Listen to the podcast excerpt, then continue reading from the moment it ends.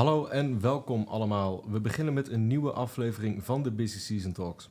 Ik ben Tristan en samen met Moesje maken we alles bespreekbaar over accountancy, maar dan luchtig. We delen ervaringen, tips en leuke verhalen, blikken terug en kijken vooruit met studenten, accountants, bestuurders, toezichthouders en eigenlijk iedereen met interesse. Vandaag hebben we te gast Omar El Masoudi. Omar is zelfstandig gevestigd registeraccountant, voorzitter van het bestuur van de NBA Jongprofs en lid van de werkgroep Accounttech van de NBA. Ook is hij auteur van het boek Het Wonder op Sandalen. In deze aflevering zullen we een diepte-interview doen met Omar. We zijn benieuwd naar zijn achtergrond, wat hem motiveert en wat zijn visie is op het accountantsberoep. Maar eerst, voordat wij gaan aftrappen met deze sessie, wil ik de luisteraars attenderen dat wij 12 september samen met Q-Concepts een uiterst interessant event organiseren in het stadion van NEC met betrekking tot het thema presteren onder druk. Er zijn een beperkt aantal plekken over, dus wees er snel bij. Aanmelden kan via onze LinkedIn-pagina. Top. Nou, Omar, welkom. Dankjewel. Um, we hebben je vaker uh, in de studio te gast gehad. En ik was eigenlijk benieuwd, en ik denk onze luisteraars ook... wie is eigenlijk Omar? Kan je jezelf even kort voorstellen wie je bent? Dat is een hele mooie vraag, Mujahid. Um, ja, wie is Omar? Omar El Saudi, uh, geboren en getogen in Alkmaar, Kaastad. Uh, ja, als klein jongetje eigenlijk al altijd al daar gewoond, geleefd, opgegroeid. En uh, rond groep 6, uit mijn hoofd, groep 5 en 6, besloot mijn vader om ons allemaal weer terug naar Marokko te sturen. Een hele bijzondere moment was dat. En ik heb daar volgens vier jaar gewoond. Uh, nou, het was op dat moment natuurlijk ook spannend en uh, allemaal vraagtekens, et cetera. Maar als ik nu terugkijk, dan ben ik mijn vader wel erg dankbaar. Ik heb daar zoveel geleerd, naast de Arabische taal en de cultuur natuurlijk ook echt uh, heel veel levenslessen. teruggekomen toen in groep 8 en voor de rest gewoon altijd al in Alkmaar gewoond, gevoetbald, geleefd ehm, en gewerkt. Oké. En was je, want hij zegt we, um, ik neem aan dan met de hele familie... De hele familie, behalve de motor. En dat waren mijn twee broers en mijn, en mijn vader. Oké. En die werkte hier gewoon fulltime hier in Nederland. En heb het je idee een groot was gezin? Of, uh... Ik heb een groot gezin inderdaad. We zijn met z'n tienen in totaal. Okay. Dus uh, mijn vader en moeder meegerekend. Um, uh, drie zussen, vier broers en, en ik. Ik ben zelf tweeling. Maar als je ons naast elkaar ziet staan, dan is het een wereld van verschil. Dus ja. Interessant. En je zegt dat was een uh, verrijking om een aantal jaar in Marokko te zijn. Je zegt, ja. ik heb de, de, taal geleerd. Wat, wat, voor aspecten hebben jullie nog meer gevormd, uh, die periode daar? Ja, we kwamen uiteindelijk in een hele kleine stad terecht. Merirt, totaal onbekend. Um, en ik heb daar op school gezeten. Jarenlang terug was het alweer. Maar het was echt een, uh, een hele, hele strenge school. Dus echt disciplinair met echte maatregelen. En uh, je moest echt uh, tentamens halen en anders had je echt een groot probleem, zeg maar. ja. Om het even zo te zeggen. Maar ook ja, dat je gewoon met mensen leefde die totaal niet breed hadden. Je leefde veel op straat, speelde vooral op straat. wat natuurlijk geen internet, geen telefoons, helemaal niks. Het was, het was gewoon letterlijk op straat elke dag een nieuw spel verzinnen. Ver, verzonnen spellen met steentjes, met, met kabels, met stokjes en dat soort dingen. We waren echt de hele dag op straat tot 11 uur, 12 uur s'avonds. Ja. Dus um, ja, en ik heb zelf ook gelopen naar school. Hè. Dus ik, heb, ik had altijd een volle rugtas. Ik denk als de arbodienst langs kwam, die zou zeggen van dat is te veel kilo.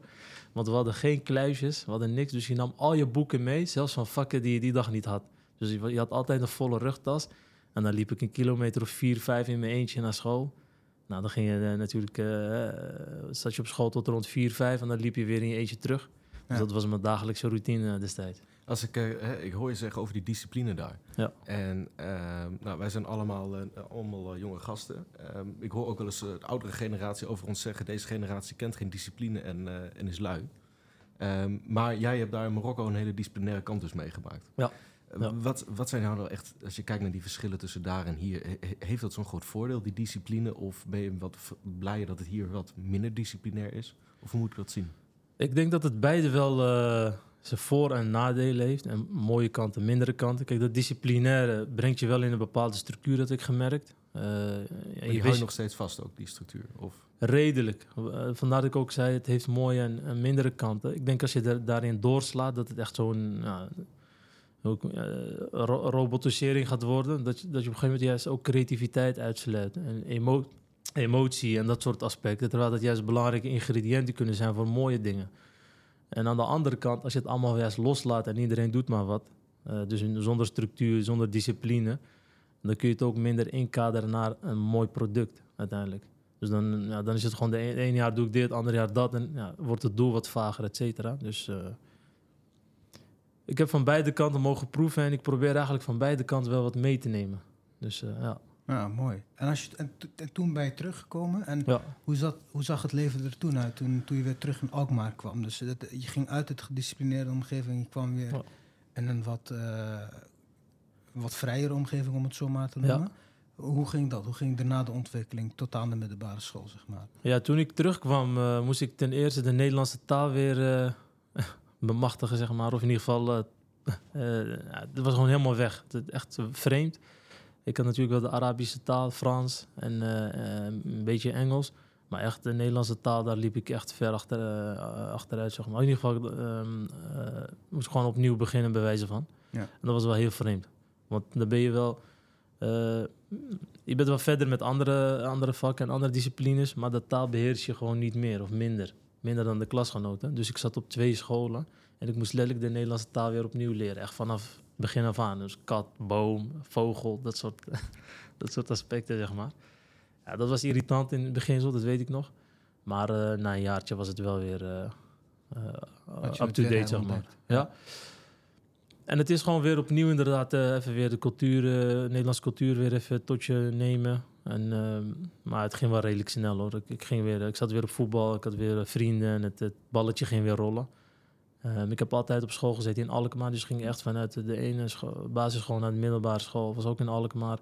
En het grappige is dat ik daarna, uh, jarenlang la jaren later, bij PwC begon, ook in Alkmaar. Dus ik bleef ja. echt in een omgeving. En op een gegeven moment was het een keer van... oké, nu moet ik echt een keer even buiten Alkmaar om wat doen. En, uh, en wat, na je middelbare school, dus na, op het moment dat je je middelbare school deed... deed je toen HAVO of VWO? Ik heb een hele lang traject gekend, eerlijk gezegd. Uh, nog even kort terug. In groep 8 uh, zou ik HAVO krijgen, inderdaad. Kreeg ik toen niet. Ik kreeg VMBO TL, Theoretische Leerweg was ik totaal niet mee eens destijds, dat weet ik nog. Ik kom ook uit Marokko met echt een discipline van hoge cijfers halen, goede resultaten en ik weet wie ik ben. En nou, ik weet nog dat ik echt gefrustreerd was die, die zomer. Maar um, ja, je zag, zag het ook al aan de, aan de cijfers. Ik haalde, ik te hoge cijfers voor TL en ik mocht ook gelijk naar HAVO een jaartje overslaan. Dus het was eigenlijk echt een misstap vanuit de, de school destijds. Um, ja, dus de HAVO daarna gedaan. Vervolgens uh, kreeg ik wel de keuze van wil je, uh, wil je nou, gelijk de, volgens mij was het pre-master en dan de master doen. Of uiteindelijk koos ik voor het HBO, accountancy. Nee, bedrijfseconomie, daar begon ik ooit mee, jaar één. Ja, want dat is eigenlijk mijn vervolgvraag. Hoe ben je op accountancy uitgekomen? Ja, ja niet, niet net als de meesten zeggen van familie hadden we accountants en ik, ik was goed in cijfertjes en dat soort dingen. Want eerlijk gezegd, het is ook iets waar ik mezelf voor inzet als, als voorzitter ik had totaal geen goed beeld van een accountant.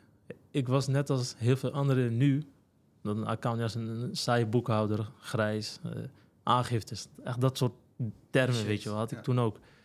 Maar ik wist totaal niet wat een accountant deed. Totdat, um, één, ik weet nog, één, uh, één accountant uh, een, een, presentatie kon geven. Ik zat toen op het, in Holland, in Alkmaar studeerde ik accountancy, of in ieder geval bedrijfseconomie. En toen was daar een, een soort van markt, weet je wel. Er kwamen wat beroepsbeoefenaars een presentatie houden.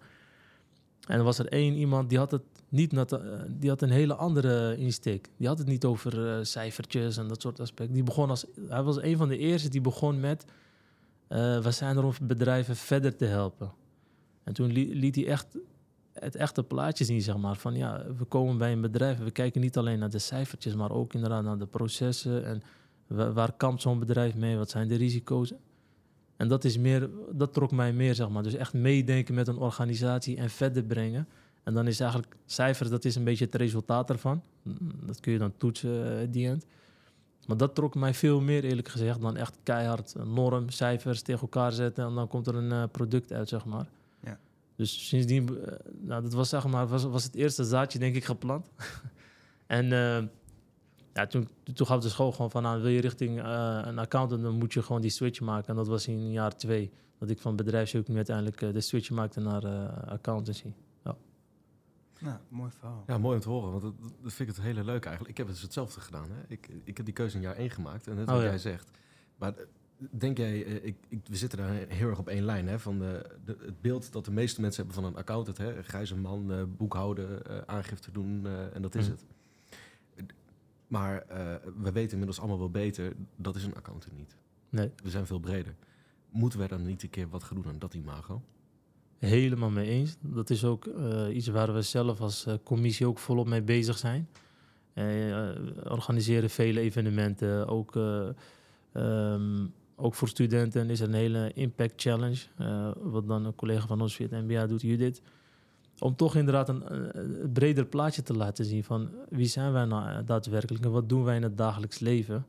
En dat is veel meer, uh, veel breder dan datgene uh, wat men denkt. Want iedereen krijgt die vraag, jullie ook denk ik, kun je de aangifte voor mij doen? Dat is zo'n, die vraag komt zo vaak, ik, ik snap nog steeds niet waar die vandaan komt, maar of uh, denken ze gelijk naar cijfertjes en uh, of fiscale aspecten. Fiscale aspecten. Terwijl we heel veel andere dingen doen. En volgens mij de meeste juist wat minder fiscale aspecten doen. Dus, uh, maar het is aan ons om, ja, om het zo, zo, zo goed mogelijk neer te zetten. En dat doen we met heel veel verschillende activiteiten, evenementen, bijeenkomsten. En ik moet eerlijk bekennen dat we wel wat resultaten zien, eerlijk gezegd. En hoe zie je die resultaten? Ja, het is sowieso in de, in de gesprekken die je uiteindelijk voert met zo'n uh, nou, met, met de, de aanwezigen. Van oké, okay, uh, nou, vooraf kwam je, uh, waar dacht je aan? Nou, precies dit beeld wat ik net schetste. En als je dan later zo'n persoon tegenkomt en die zelf ook weer heeft door de, de met, de, met zijn directe omgeving heeft gesproken en we komen ook op school en we zien wat, wat er daar gepresenteerd wordt dan zie je dat het veel breder nu is. Het is niet meer. Uh, als, je, als je nu, volgens mij, is nu naar een hogeschool gaat, een universiteit, en je vraagt wat doet een accountant, uh, die vraag we, of in ieder geval die vraag heb ik ook wel redelijk vaak gesteld op evenementen. Dan is vaak het antwoord inderdaad van ja, jullie adviseren bedrijven toch ook en jullie kijken toch ook hierheen en jullie maken toch ook een rapport. Dus dan zie je dat het wel al een beetje. het is in ieder geval breder dan, dan voorheen. Maar ik moet eerlijk bekennen, het is nog niet getoetst. Uh, wat bedoel, bedoel, ik daarmee? Maar dan, dan, moet je echt aan de voorkant zijn, je instroom. Um, daar moet eigenlijk een soort van toets komen van hoe zien ze ons op dit moment. Dat, is, dat heeft nog niemand gedaan, denk ik. We moeten het eigenlijk meetbaar maken. Het moet meetbaar gemaakt worden, ja. inderdaad. Dan wil je echt zien van heb je nu echt impact met de activiteiten die je doet. Kijk, wij kunnen dat doen uh, door middel van uh, enquêtes of als we op een universiteit zijn, dat we even uh, vraagsessie houden. Maar that's it. Het is niet, het is niet we kunnen niet zeggen heel Nederland, oké. Okay, ja. En ja, ik hoorde jou net zeggen dat die accountant toen bij jou op de middelbare school of op de ja. hogeschool zei, ja, als, het goed, als ik het goed heb, die heeft eigenlijk jou geïnspireerd. En ja. die, heeft eigenlijk, die was een eye-opener. Um, denk je dat we dat soort accountants die eigenlijk opkomen voor een vak en voor een beroep, die er staan. Dat we eigenlijk die aantal moeten vergroten en dat eigenlijk voor elke accountant een verantwoordelijkheid ligt. Uh, om een soort vertegenwoordiger te zijn van het vak zelf? Um, ik denk dat we zo. Kijk, dat moet sowieso. Ik denk dat iedereen die dit beroep beoefent. Um, moet sowieso een zo goede mogelijk ambassadeur worden. Je hoeft, je, hoeft geen label te krijgen of iemand uh, je hoeft niet te wachten tot iemand je zegt van... hey, sluit je aan bij de ambassadeurs van de, van de of uh, de accountsector... zodat je het een en ander kunt presenteren. Ik denk dat iedereen dat eigenlijk vanzelf al moet doen... door gewoon je werk goed uit te voeren... en goed uit te leggen wat je doet aan wie dan ook. Maar ik ben het wel mee eens dat er... Ja, dat kan een mooi idee zijn inderdaad... dat er een soort van een ja, een pool komt of een, oh sorry, een soort van een pool komt of, of, of dergelijke, waarbij dat soort uh, inspirerende sprekers uh, de mensen meenemen. En het moet wel echt aan het begin, je moet echt dan kijken naar hogescholen, universiteiten, mensen die eigenlijk op, op dezelfde lijn als, uh, als wij zaten van ga ik accountancy in of niet, daar moet je dan eigenlijk al staan. Hè? Dat is eigenlijk het kruispunt al. En niet later, weet je, als iemand al verder in zijn, in zijn beroep zit of, of opleiding, dan ja, dan, uh, diegene heeft die keuze redelijk al, al, redelijk gemaakt. Maar het zijn juist op dit soort kruispunten dat er juist de juiste mensen en uh, een evenement aanwezig moeten zijn en, uh, om, om mensen te inspireren om de goede keuze te maken. Want zoals ik begrijp, eh, ik heb natuurlijk niet de, de, de, de data zo scherp. Maar wat ik van, van verschillende mensen begrijp, is dat de aanwas wel tegenvalt. Of in ieder geval minder is dan, uh, dan gewenst. En daar moeten we wel wat mee. Want inderdaad, zoals ik ook vaker geroepen heb, we kunnen het beroep heel mooi maken. Met de mooiste standaarden, mooiste imago. En Nederland rekent op zijn account. Dus hele mooie campagnes, ben ik echt voor. Maar ja, als de aanwas tegenvalt en de output, of in ieder geval de mensen die eruit gaan, dat stijgt maar door, dan heb je straks een lege hulst, zeg maar. Dan heb je straks hele mooie panden, heel mooi concepten, hele mooie standaarden, maar dan is er niemand die het uitvoert of die ermee aan de gang gaat. Ja. En dan heb je alsnog niks. Ja, dus je moet eigenlijk aan, meer aan de voorkant moet je eigenlijk die, die, de jongeren benaderen, als ik het jou zo uh, hoor zeggen. Want op een gegeven moment, als ze al op de universiteit zitten, dan is hun karakter al gevormd. Dan is er een bepaalde idee al ontstaan bij die mensen. En die hebben al vaak al een keuze gemaakt. En dan is het heel lastig om die weer binnen de accountancy binnen te halen natuurlijk. Dus het zou inderdaad uh, mooi zijn als dat al wat eerder in, in het proces kan. Ja. Maar goed, en je werd op een gegeven moment geïnspireerd voor de opleiding. En daarna heb je die opleiding gedaan en toen begon, begon het werk. Um, kan je ons daarin meenemen? Sloot het, dagelijkse praktijk aan op je studie? Hoe, hoe heb je dat beleefd, die, die jouw eerste werkdagen? Um, totaal niet, eerlijk gezegd. Het was gewoon een mismatch. Uh, ik heb uh, dus even heel kort inderdaad de HAVO, vervolgens naar het HBO, de accountancy afgerond. Vanuit daar uh, de universiteit gedaan, pre-master, master, uiteindelijk postmaster. Dus ik heb echt het langste traject volgens mij gedaan wat je kan doen. Vanuit de TL uiteindelijk tot uh, je RA-titel. En uh, toen ik voor het eerst begon, inderdaad, maandag weet ik nog, ja, het sloot totaal niet aan. Hetgeen wat ik in de praktijk deed met hetgeen wat ik in de collegebanken kreeg natuurlijk, dat was gewoon een mismatch. Ik bedoel, in de collegebanken heb je het echt over ja, echt over auditen. Dus inderdaad controledoelstellingen en het auditen van een grote mooie organisatie en risicoanalyse en dat soort dingen. En dan kom je maandag aan en dan moest ik uh, factuurtjes aansluiten met een Excel-bestand, bijvoorbeeld. Ik weet nog dat dat me heel, heel erg frustreerde, het eerste, eerste jaar, omdat ik echt, ja, ik deed hele basale dingen. En op de universiteit sprak je echt op een, op een hoog niveau, zeg maar. Het was, ja. uh, als ik het even vergelijk qua het was alsof je zeg maar uh, uh, de, vrijdag, de vrijdag mocht je een Champions League wedstrijd voetballen. En dan maandag tot donderdag mocht je met uh, Cambuur meedoen, zeg maar. Om ja. even een balletje te trappen. No offense to Cambuur natuurlijk. Maar, er niks te nadelen van, hè? Precies. Maar dat was, ja, ik vond het echt vreemd. Ja. Dat riep ik al gelijk al, dat weet ik nog. Volgens mij ook uh, heel veel mensen die daarmee te kampen hadden. Hoor. Die, die, wat je zeg maar in de collegebanken kreeg. Uh, en hetgeen wat je deed, uh, day to day, dat was, ja, dat was dat gewoon een, een mismatch tussen. Dus dat was wel frustrerend, weet ik nog. Ik weet dat, dat ik jaar 1 en 2 wel echt aan het twijfelen was van... is dit wel... Dit is het toch niet, hoe kan dat nou, weet je? En langzamerhand groei natuurlijk in je rol en in je omgeving. En dan, en dan komt wel datgene, inderdaad, dan krijg je wat meer verantwoordelijkheden. En dan, hey, opeens moet je een auditplan opstellen. Hey, je moet over risico's nadenken, fraude. En dan zie je wel dat je datgene wat je in de collegebanken meekrijgt, kan toepassen. Maar, maar ik vind het zo zonde, hè, dat het zo lang moet duren. Heb je dan in die tijd, uh, hè, met name in die eerste jaar, dat die aansluiting zo anders was, heb je dan ook concessies moet je doen met jezelf? Van, hier ga ik toch maar doorheen bijten? Of ja, heb je dingen heb ik gedaan, eerlijk gezegd. Uh, ik heb dat gedaan. Ik, het, is niet leuk om te doen, omdat je, het is gewoon echt een zure appel. Je denkt, ja, dit is toch niet leuk. Dat er waren echt dagen waarvan ik dacht, ja, dit is toch niet, dit is niet wat ik, ik, ik gebruik mijn, mijn, visie en mijn, mijn passie gebruik ik niet echt volledig. Dat is wat ik merkte destijds. Het frustreerde. Maar ik dacht, weet je, oh, maar volgens mij is dit een beginfase waar je doorheen moet. En dan uh, kom, komt het wel. Uiteindelijk was dat ook het geval. Alleen ik was het, als ik terugkijk, ben ik het niet mee eens dat het zo lang moet duren. Dat je zeg maar de eerste twee jaar. Ik weet nu dat er, nu zijn er wel wat veranderingen, et cetera. Maar ik, ik vind het niet kunnen dat je. Ik, hoezo, je hoeft niet per se door een zure appel. Dat is wat ik wil zeggen. Waarom moet dat altijd? Dat hoor je vaak. Hè? Je moet even door de zure appel en dan komt het wel. Nee, ik wil gewoon gelijk een zoete appel op maandag bewijzen van. Maar denk je niet, uh, Omar, aan de andere kant dat, ja. dat je juist als je door die zure appel heen kan gaan en dat, dan, dan, dan ga je eigenlijk door een soort filter. En, um, en dan ontwikkel je in een bepaalde discipline. En je bent dan, hè, je zet je discipline in eigenlijk die, jou, die, die je ook hebt, al hebt geleerd in je, in je tijd toen in Marokko, zeg maar. Mm -hmm.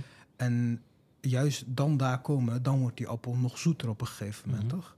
Is het, is het ergens ook niet iets waar we, wa- wat we gewoon moeten accepteren? En dat we daar gewoon wel doorheen moeten? Want daar ontkom je misschien niet aan dat er ook minder leuk werk zit, zeg maar. Kijk, dat, dat er, ik zeg niet dat een eh, maandag tot vrijdag dat, je echt met een big smile elke dag je werk doet en je doet alleen maar mooie dingen. Je, hebt natuurlijk ook altijd de minder aspecten in het werk. Eh, maar ik, ik ben wel een voorstander van dat gewoon echt een goede match moet zijn tussen datgene wat je in de collegebank krijgt en datgene wat je doet. Dus inderdaad, eh, volgens mij als een dokter eh, theorie krijgt, nou, dan mag je de praktijk in, dan is het gewoon bijna één op één. En niet dat hij eh, eh, voorgeschoteld krijgt hoe hij een hele operatie moet doen. En dan eh, maandag eh, moet hij, eh, weet ik veel, moet hij eh, heel wat anders doen, zeg maar. Volgens mij is dat niet het geval. Ik heb wat vrienden die eh, in de medi medische, medische wereld zitten. Het is redelijk eh, aan elkaar eh, gematcht. En daar wil ik meer naartoe, zeg maar. Dat, Ja. dat, datgene wat je in de collegebank... Want dan is er ook minder verspilling, minder... Want als je mij vraagt, eerlijk gezegd... eh, als ik terugkijk, heb ik niet heel veel gehad aan, eh, aan het eerste jaar eh, op mijn werk. En waardoor denk, wa- wat is denk je de reden dat dat dan niet heel goed aansluit? Dat we zeg maar in het begin van je carrière, Ja. als je nog junior assistent of assistent bent, in het begin, dat je voornamelijk, om het zo maar te noemen, corvée-taken hebt. En dat pas later de, de echte analyses komen, echt het, echt het belangrijke denkwerk, om het even zo te labelen.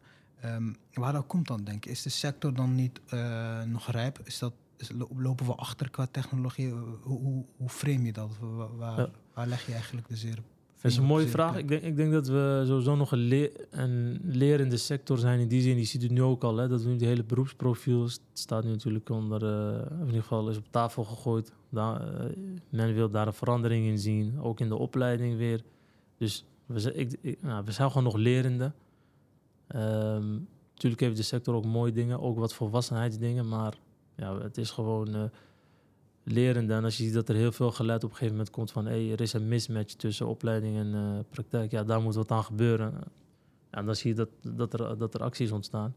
Dus ik, ja, het is, ik denk niet dat de, de sector is sowieso niet rijp, maar ook weer niet jong. Dus ik denk, ik denk, ik denk dat we een beetje in de midden, op een middenweg nu, nu staan en eh, ja, gewoon de ontwikkelingen tegenkomen en dingen proberen te veranderen. Denk je dat AI en eh, ChatGPT, dat soort zaken, nieuwe, nieuwe technologie, dat dat wel het proces gaat versnellen? Dat we eigenlijk de, de wat simpelere taken eigenlijk gaan au- wegautomatiseren en dat eigenlijk een beginnend assistent al gelijk eh, de wat complexere posten gaat oppakken? Denk je dat dat een voordeel kan zijn ook om het werk aantrekkelijk te maken voor toekomstige generatie accountants? Dat kan, maar ik, ik vind het wel belangrijk dat ehm, het is essentieel dat de accountant die net begint wel, eh, wel weet wat hij doet en waarom.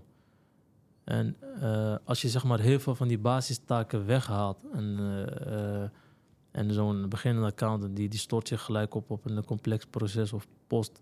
Maar hij, hij heeft nooit stilstaan bij de basisdingen, controle, doelstellingen en risicoanalyse. Waar moet je wel naar kijken, wanneer materialiteit, hoe pas je dat toe? Als dat soort dingen allemaal weggeautomatiseerd worden, dan ben ik wel bang dat er een, eh, dat er een basis gaat eh, eh, missen. Waardoor zo'n accountant ook in de problemen raakt. Als hij zo'n, überhaupt zo'n complexere post pakt of als hij in, in een goede Ja. gesprek aan moet gaan. Dus ik denk dat er op een of andere manier wel die basis aanwezig moet zijn.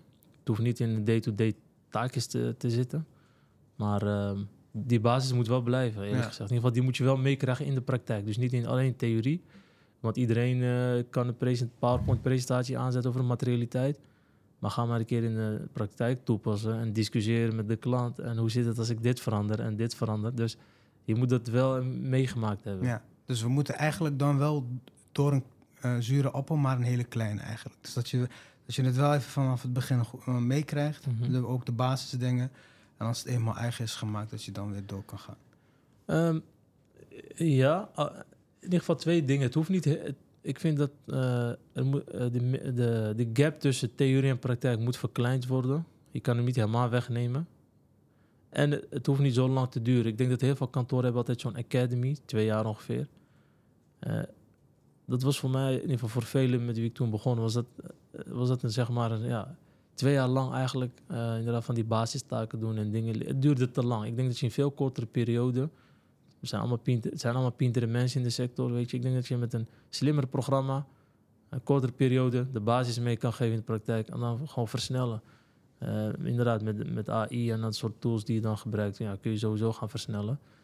Ik denk dat wij. Uh, de, ik heb gemerkt dat de, de, de accountants zijn daar ook rijp voor. Want twee jaar lang een beetje hetzelfde doen en uh, dan ben je uit de academy en dan mag je senior associate worden. Tenminste, dat was destijds. Ja, ik vond dat een beetje te lang eigenlijk. Ja, het kon, het kon korter. Het kon korter inderdaad. Ja. En ook slimmer. Ik denk dat je met een slimmere methodiek kun je echt wel goede dingen meegeven in de praktijk en dan gewoon iemand bewijs van loslaten. Um, ja, dan weet je gewoon. Het is belangrijk dat je, je gaat vrijdag naar school, je krijgt een aantal colleges. En dat je weet, oké, okay, maandag heb ik dit en dit geleerd, ik ga het nu toepassen bij deze klant. Het zou, dat, dat, dat zocht ik eigenlijk, de eerste twee jaar zocht ik dat heel erg. Ja. En, en na, die, na die eerste twee jaar, ben je bezig met, uh, met uh, je postmaster, et cetera. Op een gegeven moment is een moment daar, je slotmondeling, je inschrijving. Ja. En toen was je accountant. Ja. En wat dacht je toen? Ja, en dat is heel veel anderen, denk ik. Uh, ik ben nu accountant, maar ik kan sowieso niet tekenen. Dat is ook, dat is ook trouwens een grappig aspect. Hè? Dus heel veel van ons die zijn dan klein met RA, maar eigenlijk teken je niks. Hè? In ieder geval, ik heb nog nooit iemand gezien die nu nog, ik heb nu nog nul keer, ik, ik ben al jarenlang uh, RA, ik heb nog nooit iets getekend, zeg maar. Dus uh, toen ik inderdaad, toen, dus kijk, zeg maar een dokter, een MD, die op een gegeven moment is hij een medical doctor, dan weet hij van oké, ik kan bepaalde dingen doen. Weet je, ik, heb, ik ben gecertificeerd, ingeschreven. Maar bij ons is het vaak van, oké, ik ben een registeraccount, ik sta in het register. Maar wat maakt mij anders dan gisteren, zeg maar, toen ik nog die mondeling moest doen? Dus die vraag komt dan bij mij, kwam destijds ook bij mij op, van, oké, is mooi, ik ben heel blij mee, ik heb nu die RA-titel. Maar um, die titel, wat geeft het mij extra, zeg maar? Want Jaren, jaren daarna heb ik nooit een jaarrekening getekend of iets. Want je hebt zo, is je dat dan het hele doel van die titel om, het, om te het, tekenen? Nee, het is niet het doel. Het, is wel, het wordt wel daaraan gehangen, zeg maar. Ja, dan kun je tekenen. Maar als je nu een onderzoek gaat uitvoeren van een enquête... aan iedereen die de titel heeft, zeg maar... en dan vijf jaar daarna... Uh, zo, dus zeg maar een poolpak van mensen die, uh, die een RA-titel hebben... Uh, ja, gewoon 1 tot 5 jaar of zo. Dan zul je zien dat volgens mij 0% getekend heeft. Dus ik denk dat dat, dat, dat het hele ding, dat he, die hele gedachte moet sowieso veranderen. En dat was voor jou dan een, een tegenvaller of zo na die inschrijving dat je dacht van goh, ik mag nog niet tekenen? Nee, of? niet een tegenval, maar ik, ik weet nog wel dat ik zoekende was. Van oké, okay, wat maakt mij nou echt gisteren anders dan wat die, die titel? Um, ja, ik doe nog steeds hetzelfde eigenlijk. De kennis van gisteren had, heb ik vandaag ook. Ik heb nu die RA-titel, maar wat betekent die titel nu echt? Snap je? Dus ik weet nog wel dat ik daar wel uh, wat, wat betekent die was. titel dan echt specifiek ja. voor jou? Nou, ik, was, ik was toen nog zoeken inderdaad. Op een gegeven moment heb ik gezegd van, weet je, um, het is niet de titel aan zich. Dus uh, dan, la, dan laat je het los. Het is eigenlijk, hoe ver ben je gekomen? Je moest door een bepaald traject.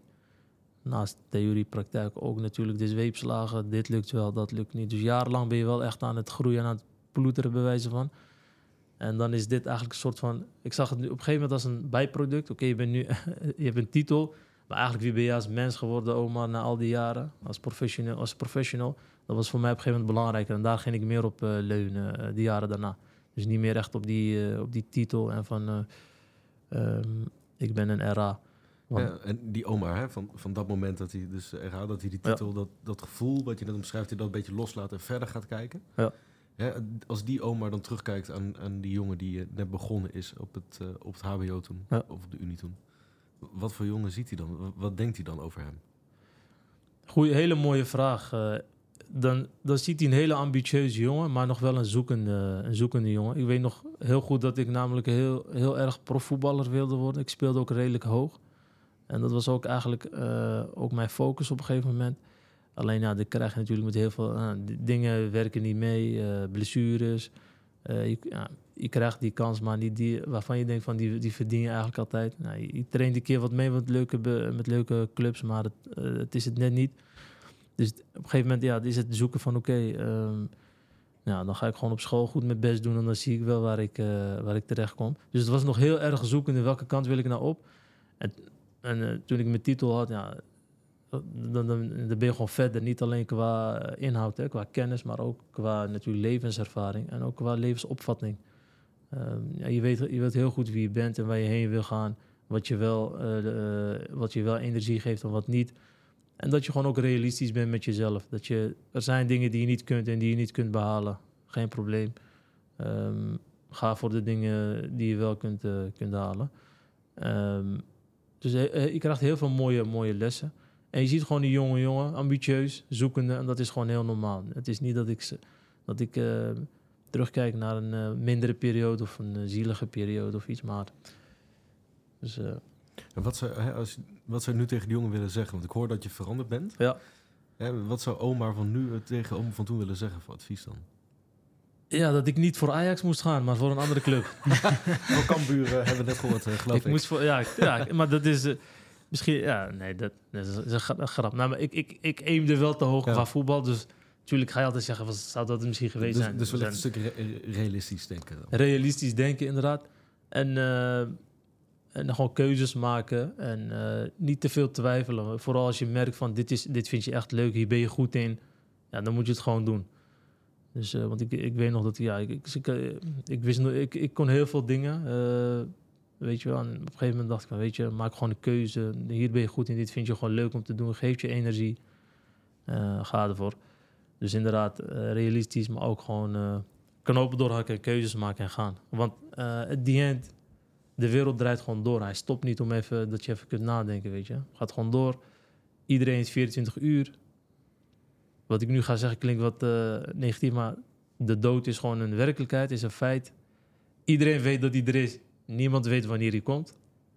Dat zijn wel belangrijke aspecten, ingrediënten om uh, ja. mee te, te, werken, zeg maar. Ja, ja. Nou, interessant. Mooi, ja. uh, mooi verhaal. En zeker ook, ik, ik, als ik zeg maar luister en, en ik probeer voor mijn ogen te schetsen die, die, die jonge oma, die kleine mm -hmm.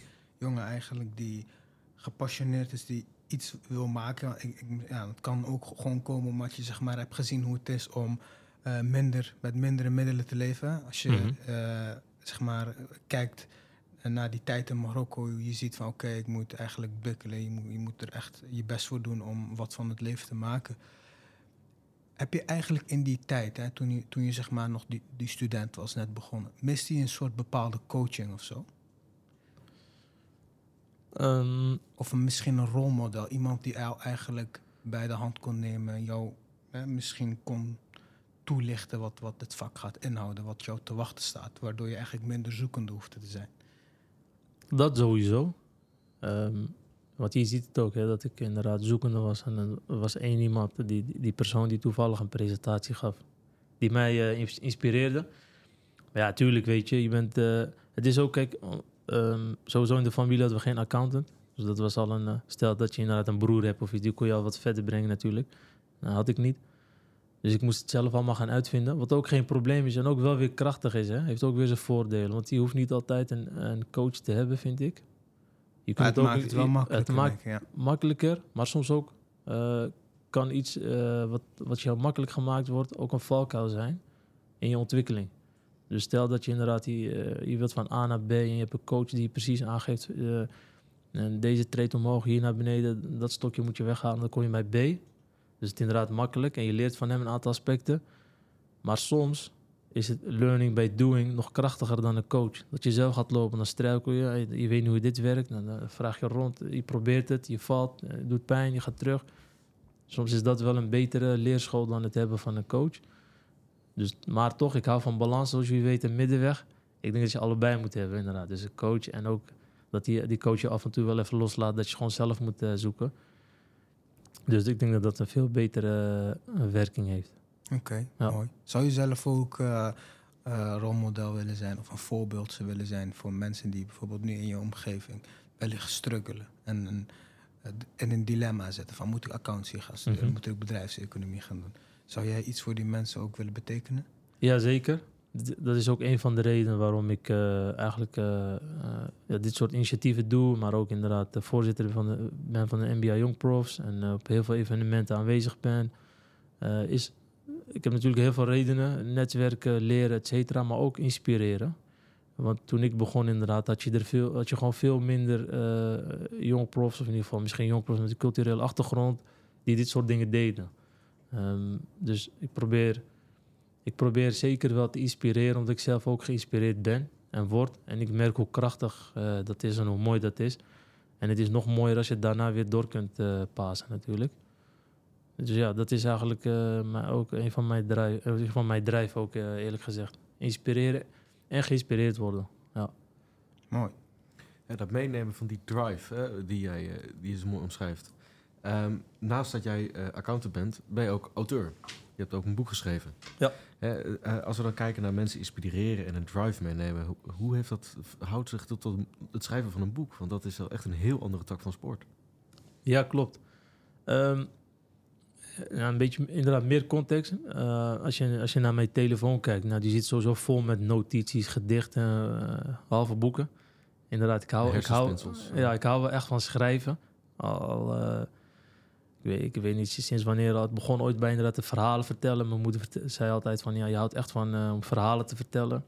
En een grappig feit, vaak aan de eettafel uh, riep ze me van, hey, je moet even eten, want, alles is op en je bent nog steeds verhalen aan het doen, zeg maar. Dat gebeurt echt vaak, vooral als je met acht, acht kids, ja, dan, gaat snel natuurlijk, weet je. Dan, ik was inderdaad wel de verhalenverteller. Dat is uiteindelijk doorvertaald naar schrijven. En ehm, ik merk gewoon dat dat een mooie, uh, mooie manier is om, om ook te inspireren. En ook, je, en ook zelf geïnspireerd te worden. Want soms ben je gewoon iets aan het schrijven.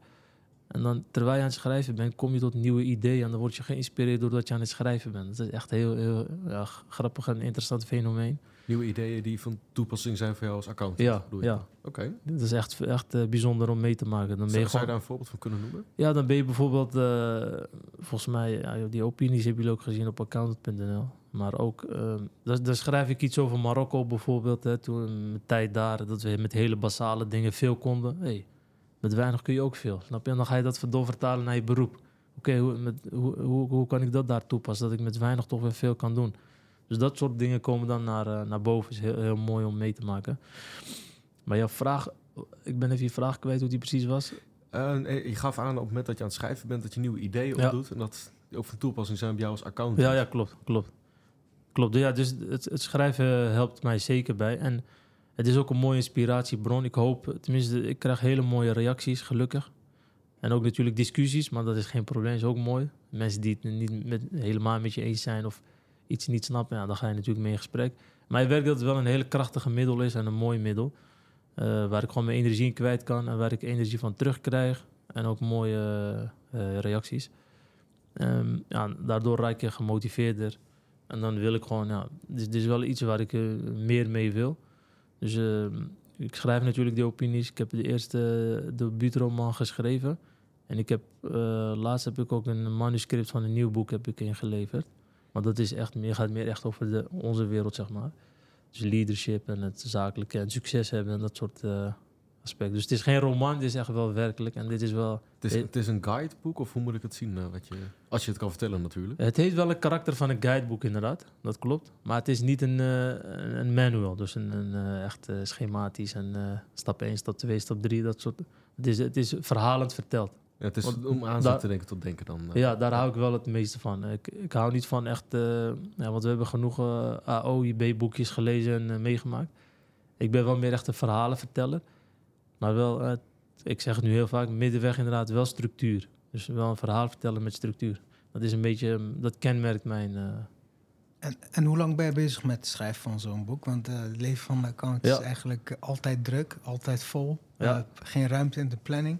Klopt. Ik kan me voorstellen dat een boek schrijven ook niet de meest simpele klusje is, zeg maar. Dus hoe combineer je die twee uh, eigenlijk met elkaar?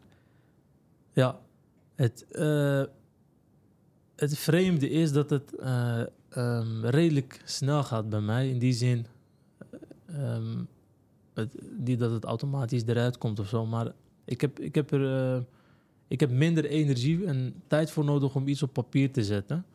Omdat ik het gewoon echt, ik merk,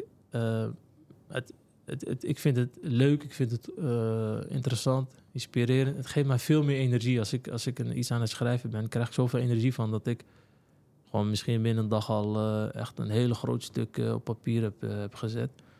Dus, um, dus het is niet zo dat bij mij een boek schrijven echt een hele lange tijd duurt.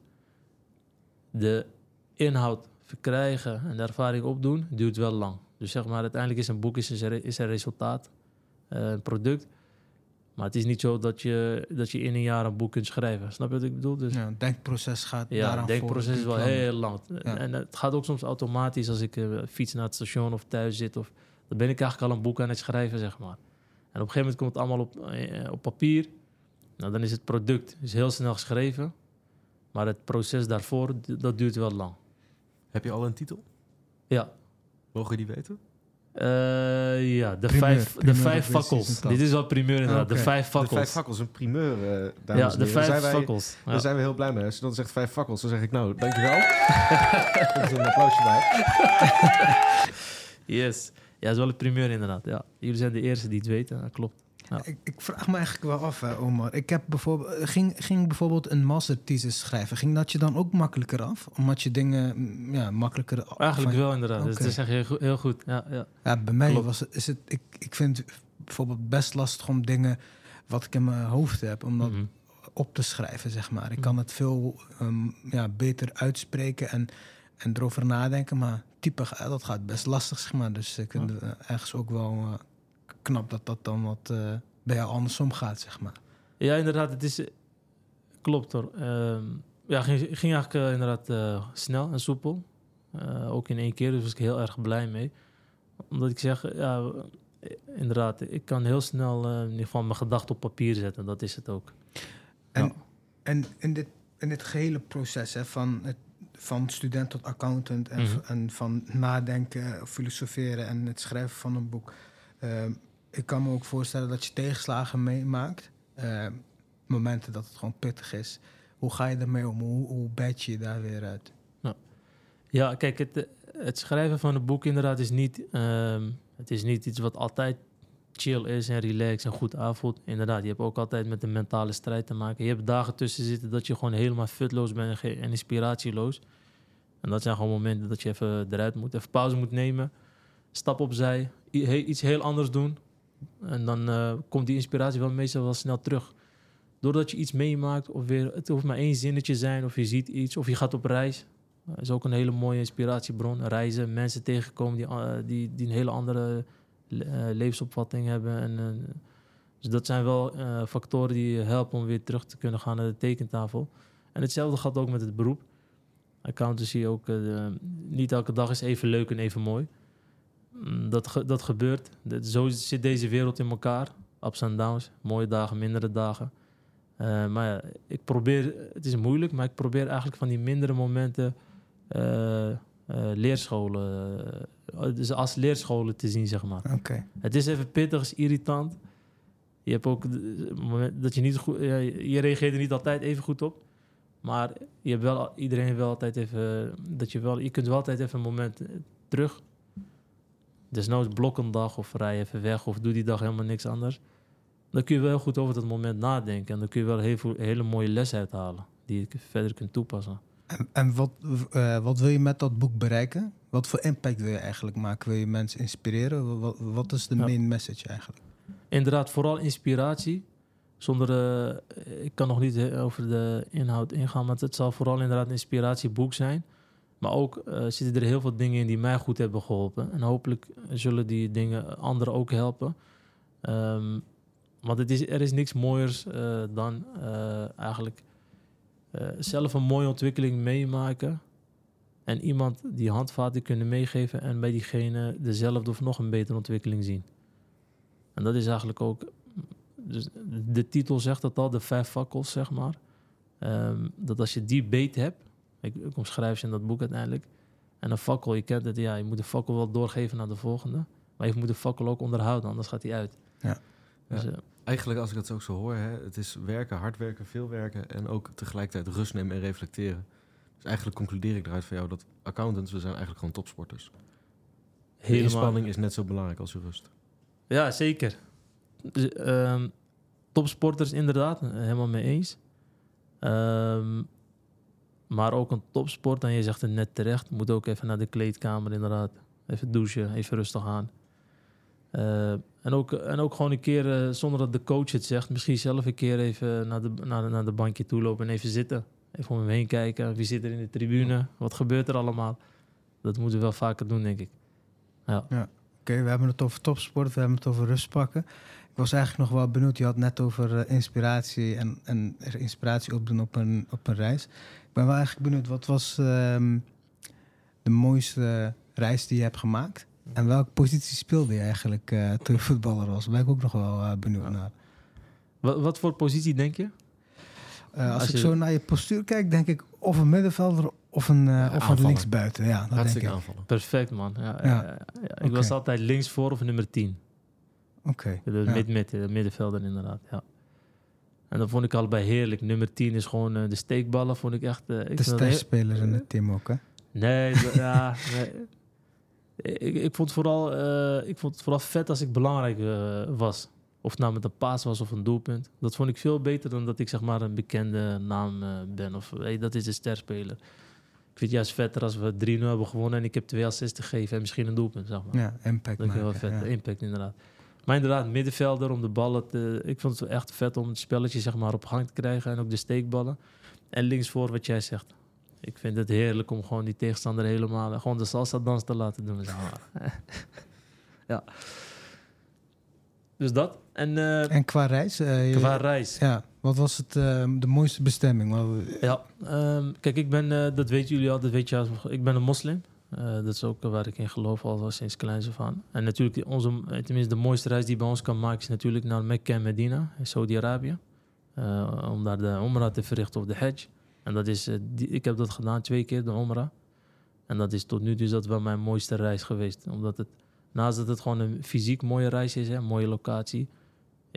maak je wel een innerlijke reis ook. Hoor. Ja. Ja, innerlijk maak je echt wel een, een reis. En dat, ja, je leert zoveel. Mooie inzicht en dan kom je weer terug echt met heel veel bagage. Dus dat vond ik een, eh, een hele mooie, inspirerende reis. En ehm, ja, voor de ja, wel heel veel mooie reizen gemaakt. Ook, eh, ook Marokko naar... eh, ja, Marokko ook wel naar het dorp van mijn vader en mijn moeder. Dat is echt basic, basic, zeg maar. Hè. Dus er is net aan... nu, ja, nu, nu, zag, nu zijn ze wat verder. Nu hebben ze ook internet en dat soort dingen. Maar toen... eh, ja, even voor de, even een paar... eh, je had bijvoorbeeld stroom, hè. Dus je had daar een motor. Ja. Die ging om, die, die, nee, je hoorde hem echt zo, eh, je hoorde hem letterlijk eh, bezig zijn. En rond tien uur viel hij uit, dus dan was hij klaar. Geen stroom ging ook het licht uit in het hele Ja. dorp. Dus er was er geen stroom. En dan moest je met zo'n eh, met een vuurtje moest je door de kamer lopen of door de gangen. Ja. Als je naar de, van de ene ruimte naar de andere ruimte wilde. Dus, eh, maar ja, daar ook, weet je, dan zie je mensen met niks of heel weinig. Maar zo rijk, weet je, innerlijk echt glimlach. Ze willen niet eh, anders, ze hoeven niet meer. En dan Ja. ga je wel nadenken van, hier in Nederland hebben we zoveel eigenlijk. Je, kunt, eh, je wordt wakker, je gaat je verwarmde, volverwarmde Tesla in en je rijdt naar een prachtig kantoorpand, een cappuccino, Ja. weet je. En eh, een mooi pak heb je aan van Hugo Bos. Ja, zijn eens. heel veel dingen. Nee, ik... eh, Maar eh, die, eh, bijna iedereen is chagrijnig in de metro en in de auto. En eh, in precies. ieder geval heel veel mensen zijn chagrijnig, zeg maar. Of ja, het regent. Weet je, hoezo? Regen, regen is een mooie zegening. Gaan planten groeien, bomen, water kan gebruikt worden. Moet je maar een keer even in een dorp zitten waar helemaal niks zit. Weet je, hoe die mensen dan... eh, hoe, wat zij van, met, van hun dag maken, zeg maar. Ja. En dat soort dingen neem je wel mee. Ja. Ja, mooi. Nee, ik, eh, ik, ben het, ik sluit me er wel bij aan dat, eh, dat we in ons vak, maar ook in onze samenleving, vaker mogen stilstaan op wat allemaal goed gaat. Mhm. En eh, dat we daar eh, trots op mogen zijn en dankbaar. Nou, dan zijn we eigenlijk al maar eh, aan het einde van onze tijd. eh, aan alle mooie dingen. is wel gevlogen, ja, het zeker. Wel gevlogen zeker. tijd vliegt voorbij als je het naar je zin hebt. Hè? Ja, zeker. ja. Nou, het, het was zeker een fascinerend en verhelderend gesprek. We hebben Omar beter leren kennen en ik wil je hiervoor bedanken. Ik wil onze luisteraars bedanken dat ze naar onze podcast hebben geluisterd. En, en ja, Ehm, en ik wil eigenlijk zeggen, ehm, vergeet niet hoe druk je ook bent. Er is altijd ruimte voor een eh, Busy Season Talks aflevering. En eh, stay tuned for more. Yes, dank jullie wel. Dankjewel, tot ziens.